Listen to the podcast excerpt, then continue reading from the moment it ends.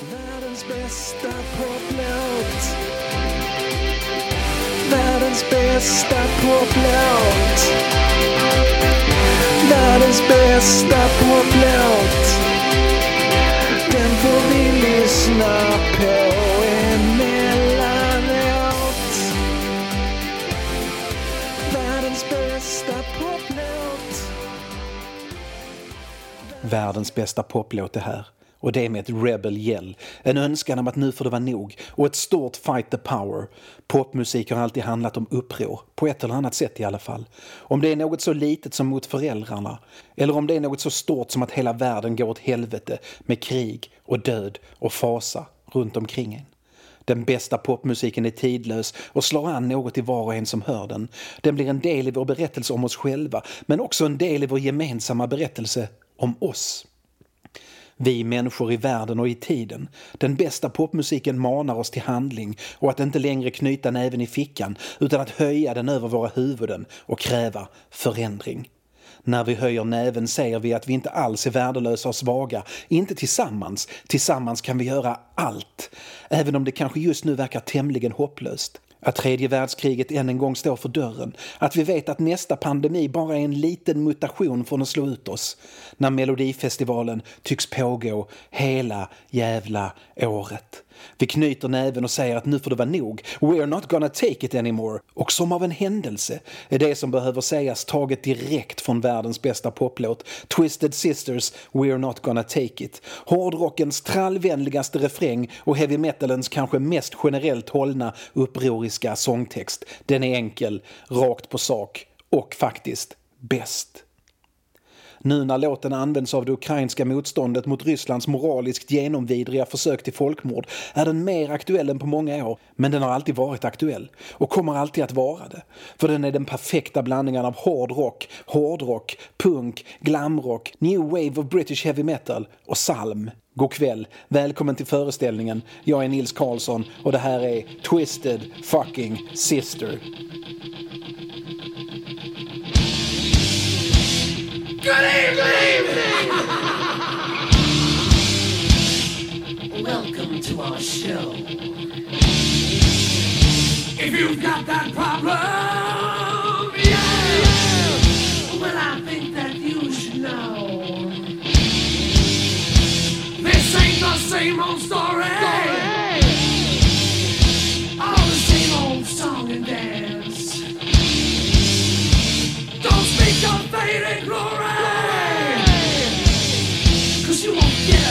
a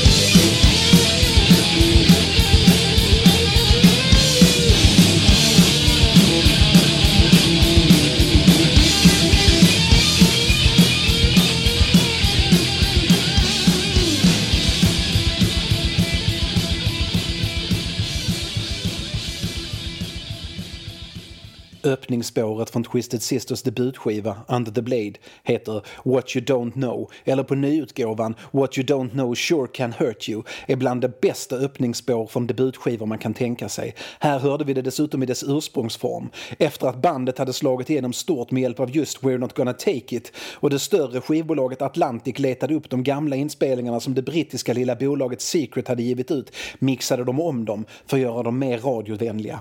Som om det behövdes. Under the Blade är en liten bortglömd musikskatt. En pärla från den nya vågen av brittisk heavy metal som ofta blir förbisedd för att den dels nästan inte sålde ett dugg och dels kommer från ett väldigt amerikanskt band. Det är lätt att man låter den överskuggas av det som skulle komma sedan. Men det är synd. För den är nästan kulmen på nästan tio års hårt arbete och det är inte ett Twisted Sisters fel att de behövde göra som Jimi Hendrix en gång i tiden. Att flytta till London för att slå igenom. I det tidiga 80-talet i London passade egentligen inte Twisted Sister in alls. De var hopplöst passé på nästan två sätt. Deras musik hade sprungits om av både punken och den nya metallen som utvecklades ur den. Den nya vågen av brittisk heavy metal var den andra grenen som växte från punken. Den som inte blev new wave och syntpop. Och deras image var förlegad redan när de snodde den från New York Dolls och Alice Cooper. I What You Don't Know skickar de ett tydligt långfinger till tvivlarna. Vi är här och vi skiter i allt och vi skiter i att vi ser ut som fan och vår musik får ni antingen älska eller låta bli. Senare, när varenda mellanstadieunge i världen gick och nynnade på I wanna rock eller We're not gonna take it som ett tag tyckte spelas dygnet runt på musiktelevisionen eller på radio. Kanske de inte alls verkade som de bad boys of rock'n'roll de på sin debutskiva sjöng att de var. Också Bad Boys of Rock'n'Roll är som What You Don't Know ett strålande exempel på hur fantastiskt det kan bli när man blandar ihop pop, rock och skamlös självmarknadsföring. Men har du kämpat i snart tio år för att bli världens bästa liveband är du faktiskt värd att få skryta i tre magnifika, glammiga och punkiga minuter. Och vi, vi förtjänar faktiskt att lyssna på det.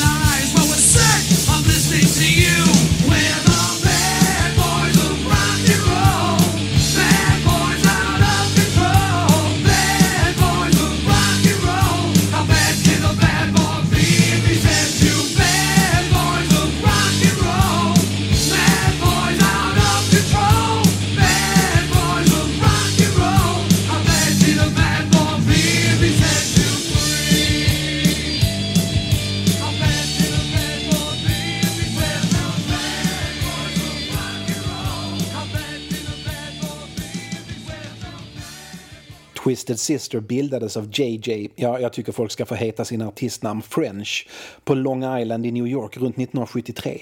JJ spelade gitarr men hade inte lyckats hitta några musiker att spela med som delade hans bild av att det tuffaste som fanns var att sminka sig stenhårt och uppträda i kvinnokläder. Han hade provspelat för Wicked Lester strax innan de lade ner för att förvandlas till Kiss. Så i ett parallellt universum, och sådana är ju populära numera i och med Marvel-filmerna, började JJ spela tillsammans med Paul Stanley och Gene Simmons och då kanske de aldrig hade träffat Ace Frehley och världen hade varit utan både Kiss och Twisted Sister. Det är nästan för hemskt för att tänka på, kanske bäst att låta bli. Men, men, men det är ändå svårt att låta bli att tänka på hur Kiss hade låtit med ytterligare en medlem som avhöll sig från droger och alkohol. Hur som helst, JJ tog sin nyktra gitarr och bildade ett eget band istället. Redan från början med inställningen att vara det hårdast arbetande bandet i världen och med en nästan orimlig förmåga att prata till sig betalda spelningar började Twisted Sister uppträda. 1974 bara med andras låtar. Det var ju det som folk ville höra. Det blev Zeppelin, Slade, Rolling Stones, mestadels brittisk rockmusik. JJ sjöng och spelade kompgitarr men hans stora gåva visade sig snabbt vara att prata. Twisted Sister blev tidigt legendariska för hur bandet interagerade med publiken i New Yorks förorter. Rockmusik blandades med närmast stand-up och upptåg och lekar. Publiken blev lojal och lycklig och köpte hur mycket alkohol som helst. Bandbokarna blev glada, restaurangerna blev glada, klubbarna blev glada. Det var inte ett särskilt bra band musikaliskt, medger JJ numera, men de underhöll. Och de underhöll bättre än de andra banden i området. Medlemmarna kom och gick med bara JJ som konstant. 1975 hade han tröttnat på att sjunga, han är inte särskilt bra på det, så han tog in sångare för avlastning. De kom också och gick. Det tär och tar på kroppen och psyket att spela fem föreställningar om dagen, sex dagar i veckan. 1976 kom Dee Snider med i bandet. Han pallade trycket, kanske för att inte heller han drack alkohol och några veckor senare kom Eddie och Jada med på sologitarr och Jada var en gemensam bekant från high school och inte heller särskilt förtjust i rusdrycker. Musikaliskt började det fungera bättre. Dee och JJ delade på uppgiften att prata med publiken och det var alltid den med mest energi som gjorde det. Och de blev populärare och populärare och publiken växte. Från att ha spelat på krogar som tog in 50 personer fick de spelningar på klubbar som tog hundratals. Mot slutet av deras klubbkarriär fyllde de hallar som tog upp till 3000 betalande publik. Utan att ens nästan spelas på radio. Aldrig i centrum. Manhattan var för de riktigt framgångsrika. Men utanför storstaden, i arbetarförorterna och på Long Island, i Queens, i Bronx, i Brooklyn och inte minst New Jersey. Twisted Sister gjorde sig till frontfigurer i kampen mot diskon. Det var på blodigt allvar. Diskon var för medel och överklassen, rocken för arbetarna. Diskon hotade också inkomsterna för musiker. Det är billigare att spela en skiva än att betala en massa långhåriga jävlar för att spela tre ackord hela kvällarna. Rockare brände diskoskivor och Twisted Sister var där och uppviglade. Ibland blev det slagsmål. Det gick vilt till men Twisted Sister såg till att alla, ja, utom kanske diskons mest hängivna uppskattare, hade roligt. Man kan tycka att det gick över överstyr när Twisted Sister började bränna en docka föreställande discolegenden Barry White på scen. Det kan man tycka. Men vad fan, det är bara rock'n'roll och jag gillar det. Ett av de populäraste numren Twisted Sister gjorde var Shangri-Las Leader of the Pack som Twisted Sister utvecklade till en närmast mindre teaterproduktion och publiken kunde varenda replik. På många sätt var de det perfekta klubbandet. Otroligt tajta och samspelta och i tjusiga, nåja, damkläder sydda av Snyders flickvän och senare fru fortsatte de kväll efter kväll. Men trots ihärdiga försök att få skivkontrakt misslyckades de. För fula, för råa, för gamla, för ooriginella. JJ har sparat de flesta brev med tack men nej tack. De är många. Snyder skrev låtar, ofta om hur bra bandet var. Det funkar. Publiken kom ju så många gånger att de snabbt kände igen bandets egna material. Sällan har det varit mer befogat av ett coverband att säga att nu är vi på den nivån att det är dags att vi skriver våra egna covers. Inte för att det hjälpte. När 70-talet blev 80-tal gick proppen ur klubbscenen i New York. Många faktorer spelade in. De höjde gränsen för att köpa öl på krogen från 18 till 21 och införde dessutom krav på foton på ID-korten. 15-åringar kom alltså inte längre in och kunde lyssna på sitt favoritband. Twisted Sisters inkomster sjönk till noll och det var egentligen dags att lägga ner. 1982 var det som mest hopplöst och det fanns egentligen bara en sak som talade för att fortsätta. Den nya trummisen A.J. Perro. Det mesta av det driv jag hör i Twisted Sisters musik kommer från Perro. Hans trumspel är unikt, drivande, alltid någon millisekund före resten av instrumenten och han skjuter musiken framför sig, drar dem med sig och han slår an trummorna med en sådan kraft att det nästan är öronbedövande. I Perros trumspel finns fröna till thrash metal och power metal och den finns där med en underlig jazzig touch. A.J. Perro var ett fenomen, en naturkraft och exakt den beståndsdel som tog JJs band med Dees låtar till himlen. Det var bara det att publiken hade försvunnit. JJ, Twisted Sister är verkligen hans band. Inte bara på grund av historien utan rent faktiskt. Han ägde bandet och var dess manager med allt vad det innebär av ansvar och risker. Bestämde sig för att satsa allt på ett kort och flytta hela orkestern till London där han lyckats snacka till sig några spelningar. Succé direkt. För i England fattar man. Man fattar att de framför sig har ett hårdrockande Slade eller ett T-Rex. Glamrock, punk och hårdrock på en gång. Och ett band som redan från början vet exakt hur en publik ska tas.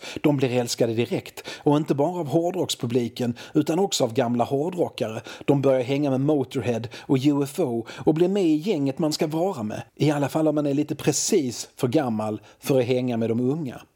Genom de nya kontakterna får de möjligheten att till slut spela in en skiva och den blir Under the Blade.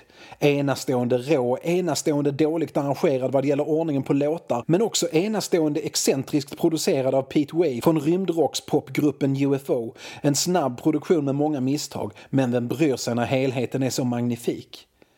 Skivan blev som en souvenir att köpa med sig från konserterna men den kan inte med bästa vilja i världen beskrivas som en hit. Men den var tillräckligt stark för att skivbolaget Secret skulle få tillbaka sina pengar och för att JJ skulle kunna övertala det betydligt större skivbolaget Atlantic att satsa på dem.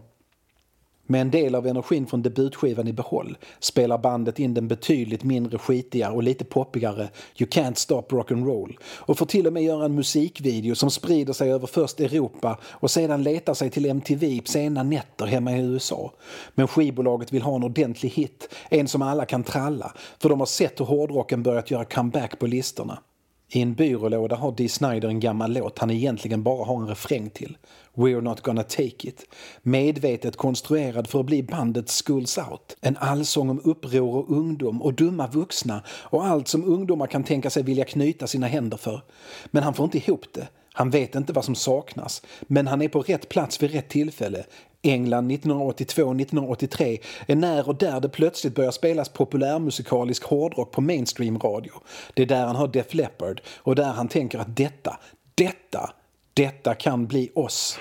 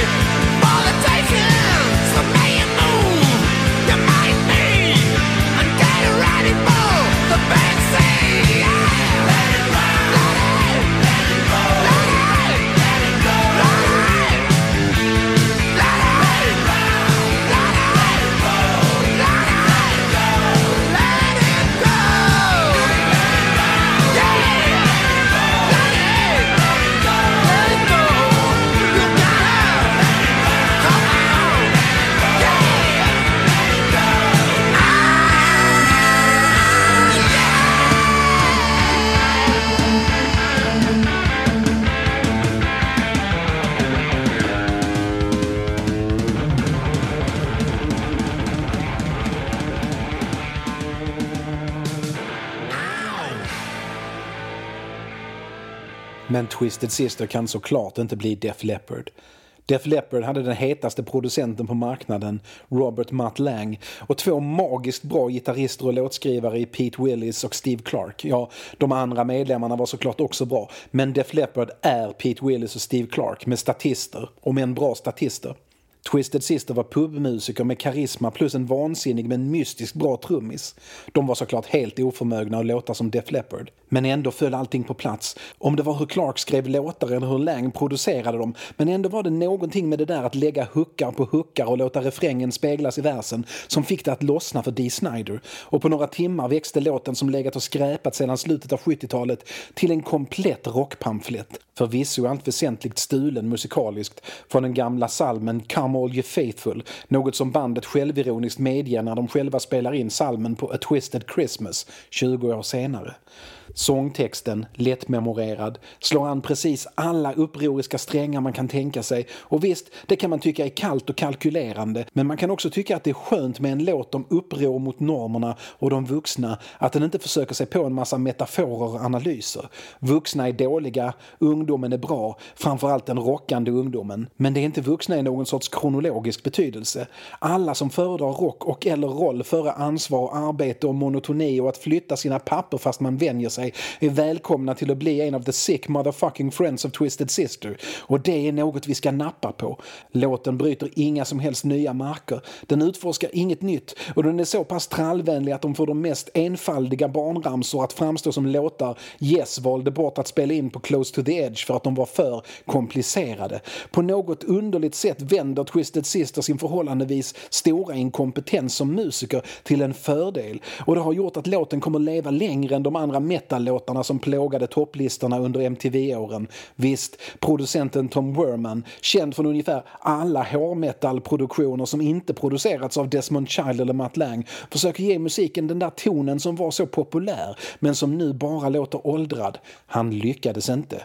För Twisted Sister är fortfarande det där klubbandet som satsar på rå underhållning istället för medgörlighet i studion och musikalisk briljans. Dee Snider tycker att något saknas, något minnesvärt att inleda låten med. Han vet att han vill börja med refrängen, för det här är en kampsång och vill man ha en kampsång vill man börja kampsjunga direkt. Han tittar på trumslagaren. Kan du göra något som ungefär Billion Dollar Babies med Alice Cooper? Klart jag kan, svarar A.J. Perro och hittar på det där magiska trumintrot som bär låten och refrängen och som gör den så omedelbart igenkännbar. På mindre än en fjärdedels sekund hör man vilken låten är. A.J. Perro, som vanligt den som förvandlar Twisted Twisted Sisters musik från med till yeah, gör det igen. Atlantic förstår att de har en hit, lättsjungen text, lättnynnad melodi, otroliga trummor och ett väldigt karismatiskt band. Dags att lägga jättemycket pengar på en rockvideo så att den kan bli den mest spelade på den där musiktelevisionen. 1984 var det MTV som gällde och det var som att det var det som fattats för Twisted Sister. Låtarna hade de ju alltid haft, om än inte så utstuderat uträknat kommersiella som nu. Men deras visuella framtoning hade av förståeliga skäl inte gått att luta sig mot på radio och den var trots allt en betydande del av vad det var som var Twisted Sister. Men den nya radion kom med bilder. Video killed the radio star. Videon är inte så bra som folk minns den. Uppföljarvideon till låten I wanna rock är betydligt bättre, men den är minnesvärd. I videon till We're not gonna take it försöker en ilsken pappa få sin tonårsgrabb att sluta lyssna på rockmusik. För det fattar man ju är vad föräldrar, de dummingarna, sysslar med. Men sonen förvandlas till Dee Snider i full drag och sen flyger pappan ut genom fönstret och slår sig. I resten av videon slår pappan sig åtskilliga gånger efter att av olika, alltid oklara anledningar flugit ut genom fönster, väggar och dörrar efter att ha stött på Twisted Sister eller rock'n'roll. Uppenbarligen kan man inte stoppa rock'n'roll och videon kompletterar musiken perfekt. Det är uppror och det är hårdsminkade grabbar med knutna nävar och videons stjärnor är skådespelaren Mark Metcalf som spelar pappan och såklart A.J. Perro.